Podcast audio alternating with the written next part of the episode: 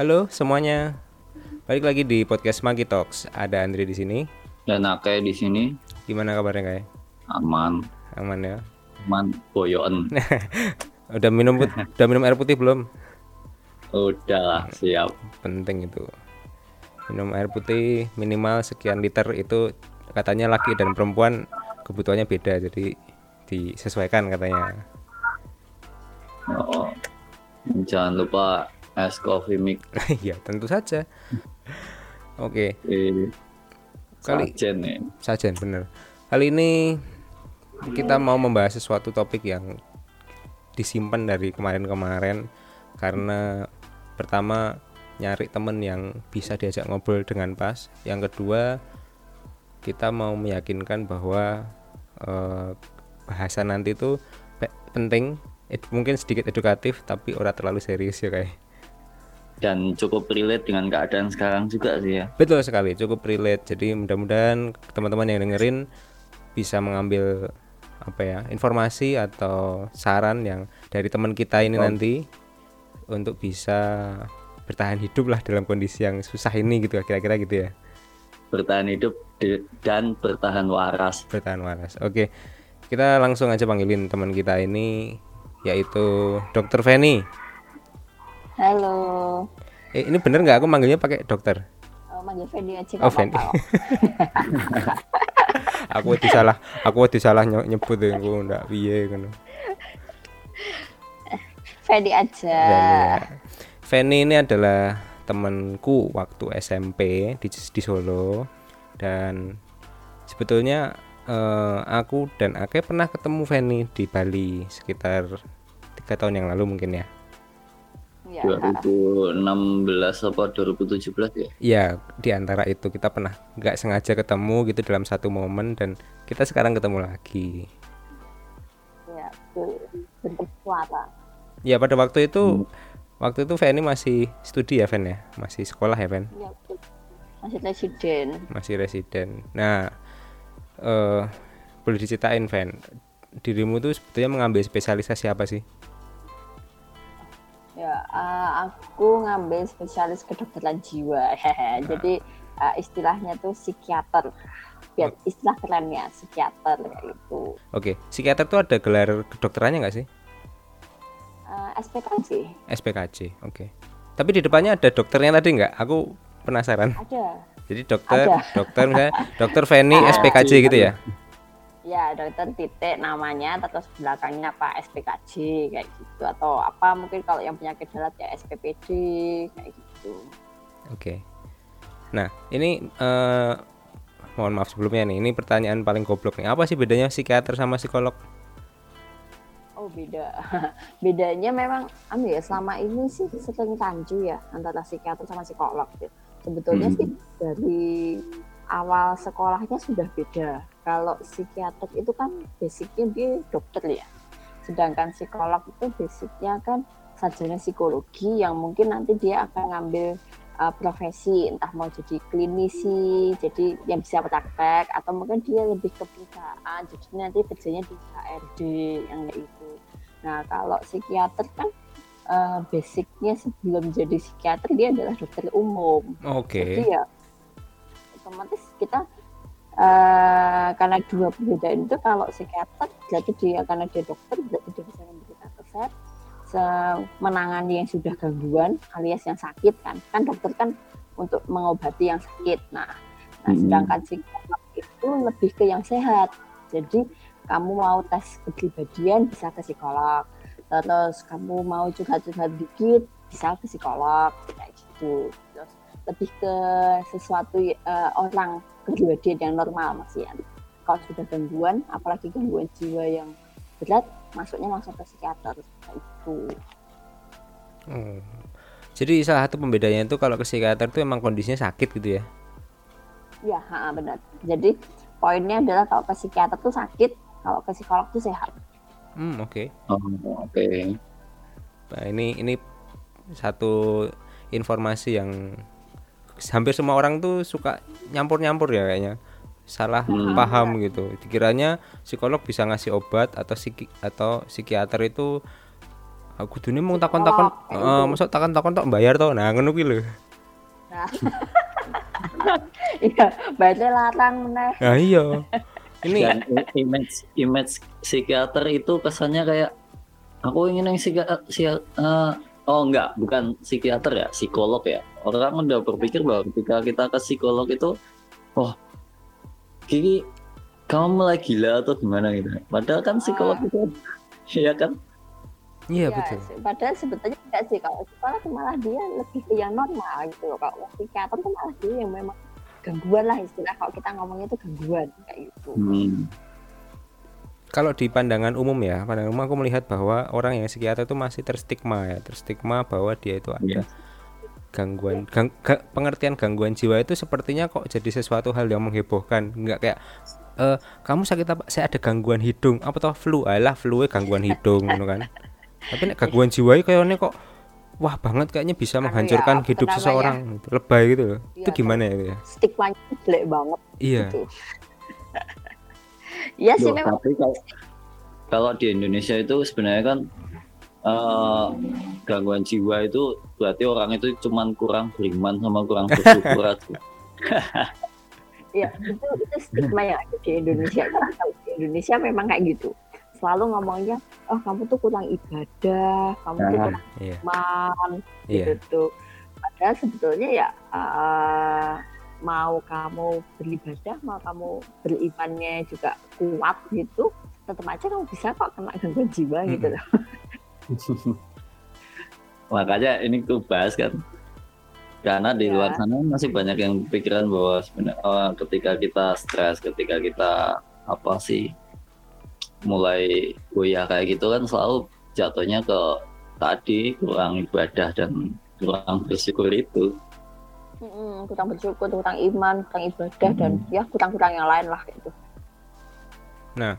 Kemudian gini di kalangan anak-anak zaman sekarang lah ya se- seangkatan kita atau yang lebih muda itu sempat ada yang namanya self diagnose health men health condition. Jadi kadang-kadang gua bipolar nih gitu. Kayak wah gua nih ini nih apa gua oke. lagi depresi berat nih.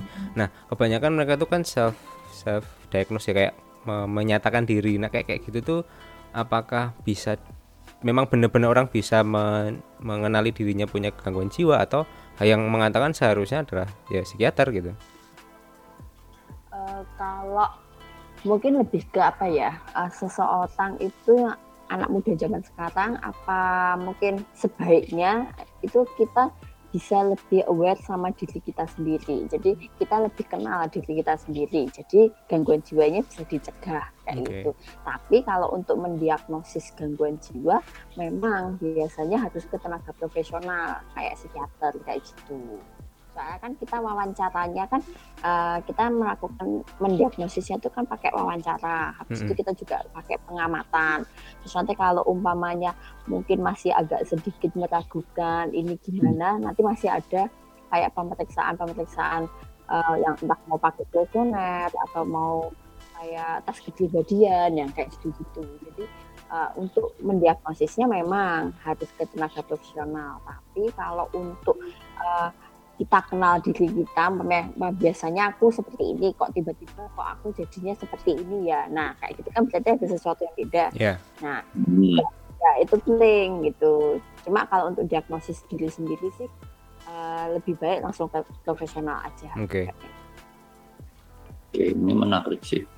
Dan kadang eh, kalau anak-anak muda sekarang kan yang pertama mereka self diagnose dan kedua kayak semacam memanfaatkan status sakit mereka itu untuk ya tahulah kayak gitu gitu.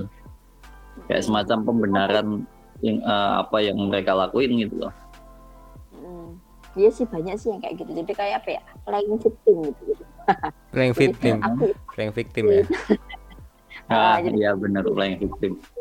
kayak gitu. Jadi eh, pada sakit pun bahwa sudah terdiagnosis gangguan jiwa pun kamu masih bisa kok beraktivitas malah kita support untuk kamu aktivitas bukan hanya kamu cuma diem Oke. aja kamar meratapi diri kayak gitu nah, enggak lah tetap aktivitas tujuan kita kan memang aktivitas harus bagus kayak gitu. Jadi jadi eh, ini salah satu hal yang cukup penting sih kurasa ya. Jadi tujuan untuk kita ke dokter eh, kesehatan jiwa ya ke psikiater itu mengobati kondisi jiwa dan mengembalikan ke kondisi normal ya gitu Ven ya. goalnya kan memang kita kondisinya akan membaik terus uh, membaik itu dalam arti keseluruhan ya. Jadi uh, kesehariannya dia oke dia bisa bersosialisasi dengan bagus terus uh, prestasi pekerjaannya juga bagus kayak gitu. Jadi itu sih tujuannya sih. Goalnya nanti kan di situ Iya iya iya. Nah, uh, waktu kita ketemu di Bali itu kan kamu sempat uh, bertugas lah di rumah sakit di Bali. Hmm, apakah uh, waktu dulu kita sempat ngobrol sih bahwa di sana ada trennya seperti ini seperti itu. Tren yang kamu alami atau yang kamu dapetin di Bali itu sama nggak sih dengan kondisi yang sekarang? Sekarang kan kamu bertugas di Solo ya, Ven ya? Iya. Trennya beda ya. Trennya beda ya. jadi uh, jadi lebih ya kan tiap daerah pasti akan ada apa ya uh, perbedaan karena kan disesuaikan dengan faktor lingkungan, sosial juga, okay. sosial ekonomi ya. Yeah, yeah. Itu. Sedangkan di Bali itu lebih ke pengatur lingkungannya cukup kuat ya. Jadi maksudnya wisatawan bulinya juga banyak hmm. kayak gitu. Hmm. Terus case-nya juga uh, lebih banyak menurutku lebih banyak jenisnya. Hmm, gitu. lebih banyak jenisnya ya. Daripada di sini di Solo, di Solo case-nya uh, masih yang sekitar-sekitar itu. Terus kan kalau di Bali mungkin kesadaran untuk mengenali diri sendiri apakah punya gangguan apa enggak juga sudah agak bagus ya kayak gitu uh, karena di sana kan juga kota besar juga jadi kalau di sini ya mungkin lebih ke uh, nanti-nanti dulu ah dokternya gitu aku nggak gila kok. Ya, ya nah itu. gitu. nah itu. Denial ya nggak. uh, jadi kecuali kalau benar-benar warganya yang keganggu banget gitu langsung digowo gitu langsung dibawa gitu ya wes oh ya ini berarti gangguan tenang gitu. Tapi apakah apakah semua gangguan itu kemudian disederhanakan menjadi gila sih kalau kita sendiri malahan ya uh, di kita di SKCI ya jadi Persatuan Dokter Spesialis Jiwa Indonesia itu memang sudah tidak ada yang namanya istilah gila. Oh oke, okay. ini ya, penting nih. Kita, kita bikin ada dua istilah. Jadi satu adalah ODGJ. Or, yang kedua orang adalah orang dengan gangguan jiwa ya. ODGJ. Ya, jadi orang dengan gangguan jiwa, yang satunya ODMK, orang dengan masalah kejiwaan. Jadi ODGJ itu orang dengan gangguan jiwa, ODMK hmm. orang dengan masalah kejiwaan. Kejiwaan, okay. ya. Okay. kan uh, setiap orang kan pasti ada masalah ya. Gak mungkin lah ya kita hidup tanpa masalah gitu. Oke. Okay.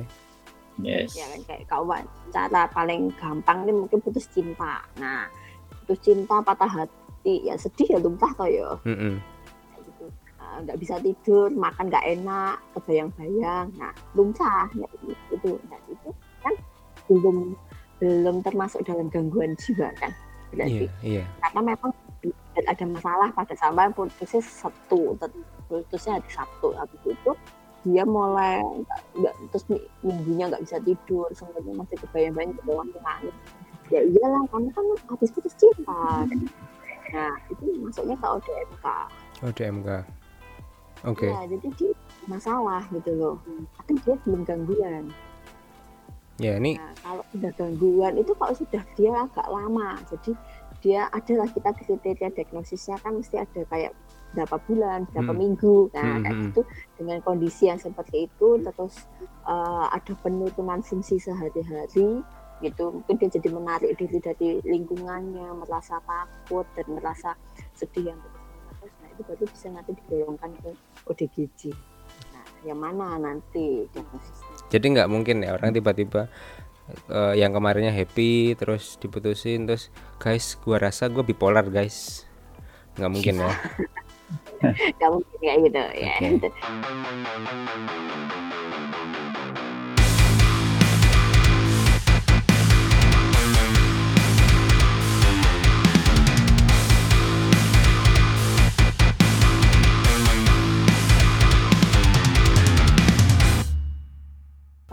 habis diputusin sedih ya masa langsung lagi oh kamu depresi gitu kan ya enggak lah. Gitu. oh iya. Eh tapi aku aku nanya deh, iya iya. ODGJ itu mereka sadar nggak sih kalau mereka itu eh, Sakit. sakit? iya. Jadi kita itu itu eh, namanya kalau di istilah kita adalah pilihan pilihan atau insight ya. Jadi seseorang itu ada insightnya. Nah eh, orang yang benar-benar menyadari dari yang tidak sadar kalau dirinya sakit ada yang dia ragu-ragu kalau dirinya sakit ada yang juga benar-benar menyangkal kalau dirinya sakit. Mm-mm. insight Hmm. akan pengaruh ke eh, apa ya prognosis. Prognosis itu jadi eh, kesembuhannya itu gimana? Ini isanya baik. Bisa kita kita bisa sembuh total atau enggak gitu loh. Oke jadi eh, jadi jadi kalau ditanya eh, orang ODGJ itu sadar nggak sih kalau dirinya itu sakit ya tergantung pilihannya dia berapa Hmm. ada yang ada yang sadar ada yang enggak Mm, mm, mm. Oke oke. Balik lagi ya, eh, paling tepat adalah ke psikiater ya. Mm-mm. Oke. Nah, dengan apa ya? Dengan stereotip, dengan pandangan masyarakat atau persepsi kita lah awam ini terhadap kesehatan jiwa, kesehatan mental itu menurutmu Van, kita tuh perlu diedukasinya seberapa lagi sih? Kan eh, saya kurasa kita tuh pertama menyederhanakan sakit atau gangguan jiwa itu gila gitu kan. Walaupun tadi kamu udah mengatakan Raono, istilah gila lagi Raono ya kan udah nggak ada itu itu satu hal yang aku bahkan baru tahu sekarang jadi aku terima kasih nih. Jadi tercerahkan gitu jadi aku bisa cerita ke teman-teman Raono sing jenenge Edan Raono sing jenenge gila. Nah yang berikutnya adalah eh piye yo carane ben wong-wongi mem, sad, bukan sadar ya, gimana caranya orang-orang itu mem- membangun kesadaran untuk kene ono sesuatu ki ke psikiater apa ke psikolog lah nek pamane wis sakit ya ke psikiat- psikiater gitu loh nek selama ini piye? Kalau selama ini ya sudah jalan sih kita lebih ke promkes ya. Dari Kemenkes kan juga mesti kan nyuruhnya promkes ya. Jadi promosi kesehatan. promosi gitu. kesehatan ya promkes Ya, ha, jadi eh, dari WHO sendiri kan juga mengatakan kalau yang namanya kriteria sehat itu ya sehat fisik sama sehat jiwa. sehat fisik sehat jiwa oke Ya, jadi walaupun fisikmu bagus tapi jiwamu nggak bagus ya kamu tetap ya, tetap bisa jadi kan tidak sehat. tidak sehat Gitu. hmm, oke Nah, nah, eh, yang ada di lapangan yang sudah sering dilakukan oleh psikiater-psikiater. Nah, itu biasanya kita promkes pakainya media sosial ya zaman sekarang kan eh, siapa sih nggak main sosmed Mm-mm. itu. Hmm. Nah, nah, jadi ya banyak kok yang sudah mulai bikin kayak apa ya vlog, terus dia bikin video-video interaktif, jadi lebih ke di share di share ke media sosial, jadi biar banyak semakin banyak yang tahu. Terus psikiater-psikiater juga banyak yang eh, punya sosmed yang memang dikhususkan untuk media apa ya media informasi. berarti Gitu. berarti dari sisi apa namanya eh, kode etik medisnya sendiri memang dokter psikiater ya itu memang diperbolehkan untuk melakukan penyuluhan sosialisasi atau memanfaatkan media sosial atau internet gitu ya? Boleh ya? Kita memang boleh. Jadi kalau kalau cuma untuk ini kan kita kan bukan promosi anu ya um, promosi jasa. Halo saya praktik di sini. Iya, halo guys. Gitu. eh, kalau kalian ada gangguan-gangguan ke sini guys. Nggak gitu juga ya? Gitu kan. Kayaknya kok kayaknya aneh ya. Aneh banget. gitu ya. Aneh banget itu Nek, kayak gitu kayaknya kita Enggak. kena kode. Iya iya. apalagi kalau kita sampai promosi minum ya suplemen ini kayak gitu. Nah, Itu sama kayak sama kayak yang jualan peti mati gitu. nah. Guys udah mau mati belum guys? Jangan lupa ingat saya guys sebelum mati guys. Jangan lupa ya calling kita kayak gitu. Kalau kayak gitu sih kayaknya nggak boleh ya gitu etik ya. Tapi kalau cuma untuk promkes by not memang memang eh, memang caranya era zaman era zaman sekarang kan memang semua kayaknya sosmed. Iya betul betul. Jadi nggak ada masalah sih kalau itu. Kan kita cuma paling bikinnya kayak apa ya video interaktif habis itu nggak gitu kayak bikin gambar-gambar tapi berisi. Jadi Infografis. Nah, ha- ha, ini gejalanya adalah ini dikasih gambar-gambar yang lebih menarik. Cuma itu sih nggak ada masalah sih. Memang gitu biar pada tahu kayak gitu. Yang penting tidak menjual diri sendiri dengan kondisi sekarang Ven dirimu apakah hanya bertugas ya bertugas berpraktek di rumah sakit aja misalnya ataukah dirimu juga melewati apa layanan-layanan yang berbasis online Ven oh iya eh, anu aku saat di rumah sakit ada dua satu di Hmm. rumah sakit Gayat Hmm, di rumah sakit Onko di online juga hmm, oke. Artinya Hmm. em, eh, apa ya istilahnya pola-pola seperti ini udah common ya di di kalangan psikiater ya? Eh, konsultasi online kan juga tidak memberikan resep. Oke, jadi kalau misalnya ada pasien gitu ya, eh, eh, apa istilahnya konsultasi awal online oke, tapi nanti ketika kondisi apa secara apa ya prognosis atau diagnosanya perlu adanya pemeriksaan fisik lalu adanya resep itu harus ini ya harus ke rumah sakit gitu ya. ya harus tetap tatap muka Tatap muka ya. Seperti- Nah, oh oke, mungkin sedikit ini ya. Aku pengen tahu dalam kondisi sekarang khususnya pandemi kan, yang aku tahu secara umum orang dianjurkan untuk tidak ke rumah sakit kecuali kondisinya sudah berat. Hmm. Nah, bagaimana eh, melihat kondisi seperti itu? Bagaimana eh, dirimu bisa melayani pasien lah? Kalau dari kita biasanya kalau pasiennya itu kan ada ya namanya pasien itu ada pasien akut sama pasien yang kronis. Ya, ak- akut dan Pasien kronis ya, beda ini ya. Nah kalau pasien akut tuh biasanya kan mungkin dia yang belum pernah datang ya rumah sakit di baru gejala yang pertama kali ya gitu. Oke. Itu memang harus tetap tatap muka. Apalagi kalau memang sudah ada tanda-tanda dia memang perlu obat. Jadi perlu obat, perlu penanganan juga itu harus tetap datang ke rumah sakit pakai protokol kesehatan kayak gitu. Eh, mungkin biar untuk memutus biar nggak terlalu lama di rumah sakit silahkan membuat appointment dulu kayak gitu kan biasanya ada ya di rumah sakit karena ada kuota-kuota tertentu Iya. kayak gitu. Nah kalau untuk pasien eh, kronis sebetulnya sudah banyak sekali rumah sakit menyediakan layanan kayak video video inter, ah, video call ya. Jadi eh, pasiennya di rumah, dokternya di rumah sakit, terus bisa berhubungan via ini, via video itu tapi terregister di rumah sakitnya. Jadi nanti secara administratif tetap ke rumah sakit ya seperti biasa gitu ya. Cuma metodenya tetap mukanya diganti dengan eh, video chat gitu ya.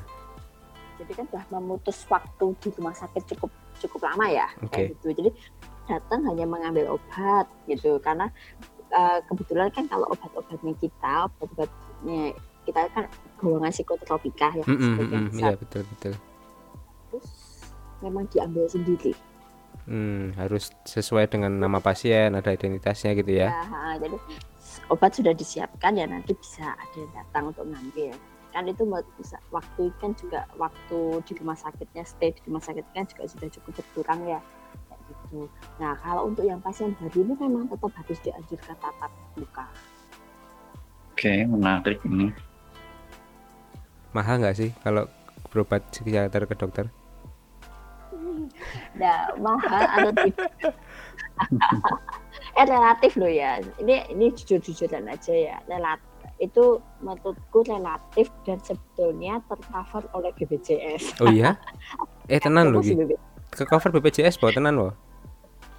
Iya, tercover oleh BPJS. Kalau asuransi swasta aku kurang tahu, tapi yang jelas dari BPJS dia akan mengcover dan eh, obatnya pun juga di cover loh dan eh, menurutku jenis obatnya lumayan bagus loh. Oke. Kayak itu ya. Itu. Nah, kalau umpamanya enggak pakai BPJS nih atau enggak pakai asuransi, berapa sih? Kira-kira kalau dokter umpamanya daerah Jakarta tuh akan berbeda dengan daerah Solo Mm, kayak gitu. mm, mm, mm. Kalau Solo tuh ya rate-nya tuh eh, 200 itu masih dianggap mahal ya. Kayak gitu. Bukan nih jadi ini 200 itu masih dianggap mahal kalau umpamanya mungkin kalau 250 apa itu sudah yang prof kayak gitu Iya. Nah, kalau di Jakarta ya, tidak kaget kalau ngelihat yang biasa-biasa baik apa yang bukan prof aja sudah pasang tarifnya sampai 300 Iya, iya. apa nah masuk obatnya gitu. jadi kalau ditanya tarifnya berapa ya tergantung daerahnya ya kamu tinggal di mana terus kamu memilih rumah sakit apa apa kamu memilih eh, rumah sakit yang tipenya yang kecil gitu Hmm, terus oke. Ya, ya, ya. kan aku milih rumah sakit internasional jelas beda kayak betul, betul, gitu betul. ada banyak lah banyak faktor yaitu dan obatnya obatnya ini yang agak mahal memang Tapi tadi eh, menurutku Feni udah ngasih satu pencerahan lah bahwa ketika eh, kita punya gangguan kejiwaan itu bisa melalui jalur BPJS ya. bisa Bisa, Bisa. ya berarti. silahkan pak oh, kayak gitu dan lumayan kok menurutku aku ngelihat daftar list obatnya kayak gitu tapi kalau list obatnya seluruh Indonesia sama ya Iya. gitu Karena waktu ya karena waktu itu ini sih Fen, sempat waktu itu sempat ada sebuah diskusi lah. Oh, ini kita banyak orang yang mengalami eh, gangguan kejiwaan misalnya itu, tapi kok pada meragukan bahwa ini di cover sama BPJS apa enggak gitu. Tapi nah dirimu sudah menyampaikan bahwa itu di cover ya, aku rasa ini artinya ini berlaku nasional ya. Semua semua Iya, orang yang semuanya, semua nasional. Eh, kalau mungkin umpamanya ragu-ragu gitu ya silahkan datang ke rumah sakit pemerintah. Nggak mungkin lah ditolak. Iya iya iya kan iya, betul, betul. BPJS program pemerintah. Betul betul betul kayak gitu. Itu cara, cara paling gampang ya. Itu kayak gitu. Oke. Rumah sakit swasta pun juga menanggung kok. Nah Fen. Hmm. eh, kesehatan jiwa dan kesehatan mental itu sama nggak sih? Sama aja. Sama ya? Oke. Itu hanya beda istilah. Beda kan. istilah. Oke. Nah di kondisi pandemi saat ini selain kondisi perekonomian ya banyak yang kehilangan pekerjaan bisnisnya tutup lalu ya sakit juga ya kondisi sakit segala macam. Itu juga sedikit banyak pasti ada ada, peningkatan juga di orang yang mengalami gangguan kejiwaan atau masalah kejiwaan gitu ya. Yang sepanjang yang kamu tahu katakanlah dari bulan Februari lah ya Maret atau Februari tahun ini sampai sekarang yang berhubungan dengan pandemi itu umumnya orang keluhannya apa sih cemas ya? Ang- cemas itu bahasa apa? anxiety itu ya? NCT ha, ya. Hmm. Yang paling sering itu adalah cemas yang kedua depresi Mm-mm. sedih. Yang ya pertama siapa sih yang nggak sedih? yang pertama cemas yang kedua depresi ya? ya itu dua itu yang paling paling banyak semenjak ada pandemi kayak gitu. Tapi dua hal itu pun juga tingkatannya macam-macam ya? Maksudnya cemas itu dari yang ringan sampai yang berat itu ada ya cemas itu menurut pedoman penggolongan sih ya cuma hanya ada Cemas. cemas gangguan cemas menyeluruh Hmm. atau fobia Mm-mm. atau panik hmm. Hmm, Tapi kalau depresi memang dia ada depresi ringan, depresi sedang, depresi berat. Gitu. oke saya kira mulai, mulai abot tapi ya. coba kayak kamu ringankan kayak Oke, gini. Gimana, gini, gimana? eh, aku punya dua pertanyaan yang oh enggak tiga tiga pertanyaan yang mungkin cenderung karena aku ngelihatnya di di posisi ini adalah aku orang luar yang nggak paham tentang apa ya Mental health. Eh, medis dan segala macam itu jadi aku mungkin mewakili pertanyaan beberapa orang yang penasaran juga gitu oke yang pertama adalah dan ini kasus umum ya. Aku eh, pengen tanya soal overthinking sama insecurity. Itu nyambung nggak? Kalau nyambung, mungkin kamu bisa ngasih apa ya masukan atau apa deh biar eh, yang aplikatif gitu loh, yang aplikatif jadi orang bisa yang dengerin ini juga bisa ngelakuin itu untuk misalnya mereka ngerasa itu jadi bisa dilakuin lah overthinking sama insecure ya Hmm, Insecure, kan banyak ya. banget tuh. Kalau overthinking itu kan memang istilahnya kan overthinking ya. Eh apa ya bahasa Indonesianya tuh kayak semuanya itu dipikir gitu loh. kakek mikir kakek eh, mikir ya? oh ya kakek mikir. Nah, jadi eh, dia sudah mengalami mungkin mungkin ya kalau kalau dikaitkan sama pandemi wes dikaitkan sama pandemi satu aku kehilangan pekerjaan. Mm-mm, aku besok makan apa ya? Mm-mm, terus eh, untuk bayar ini kayak gimana ya? Iya. bisa aku bisa kerja lagi nggak ya? Nah jadi semuanya itu kan dipikirkan kayak gitu. Hmm, nah itu biasanya keluhan-keluhan overthinking ini arahnya adalah ke cemas. Mm. oke. Jadi karena dia takut kan. Aku takut. Jadi kasnya gini kalau cemas itu dia takut. Jadi aku takut mati aku takut Hmm. ini aku takut itu. Nah, kayak gitu. Jadi istilahnya dia kasnya adalah di kata-kata takut. Kalau dia sudah mulai bilang "Eh, dok saya takut ini. Nah kemungkinan dia cemas. Nah yang kedua kalau depresi adalah aku ingin. Nah aku ingin mati aku ingin ini aku ingin itu. Jadi lebih ke ingin. Nah itu berarti dia sudah ada tanda-tanda ke depresi. Mm. Hmm, kalau untuk yang overthinking ini dia lebih ke eh, lebih ke cemasnya. Terus tadi satu apa insecure kan? insecure. Insecure ha. insecure itu kan dia kayak apa ya?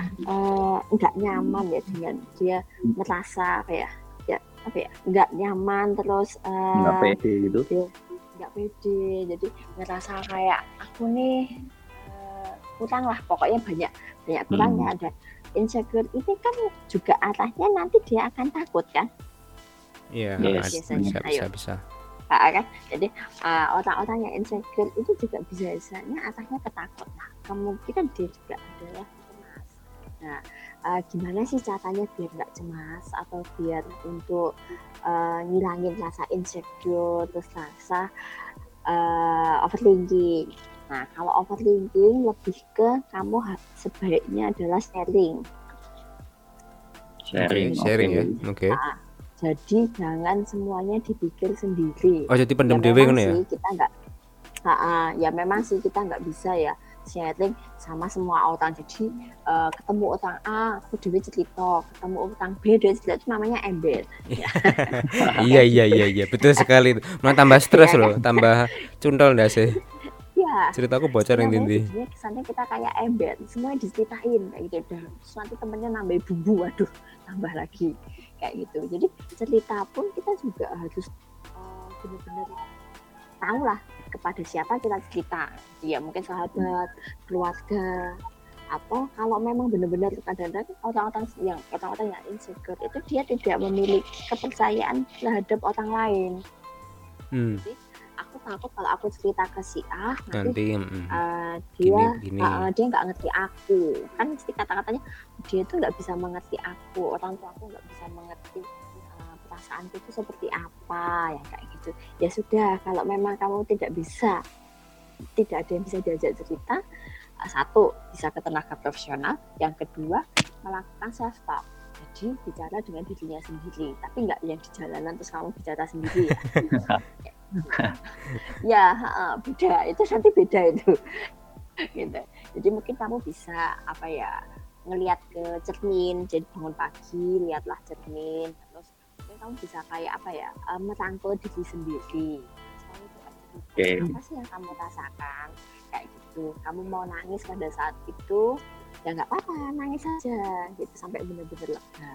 Yang tidak boleh dilakukan adalah self harm self harm ya. Menyakiti diri sendiri itu Ya, nggak boleh ya. diri sendiri. Iya. itu yang tidak boleh dilakukan. Tapi kalau kamu mau bicara sendiri ya oke. Ada orang yang suka menulis. Jadi dia kayak bikin jurnal harian gitu loh. Hari ini aku ini ini ini. Ya dia monggo nggak apa-apa sih lah tapi yang dituangkan dengan melukis.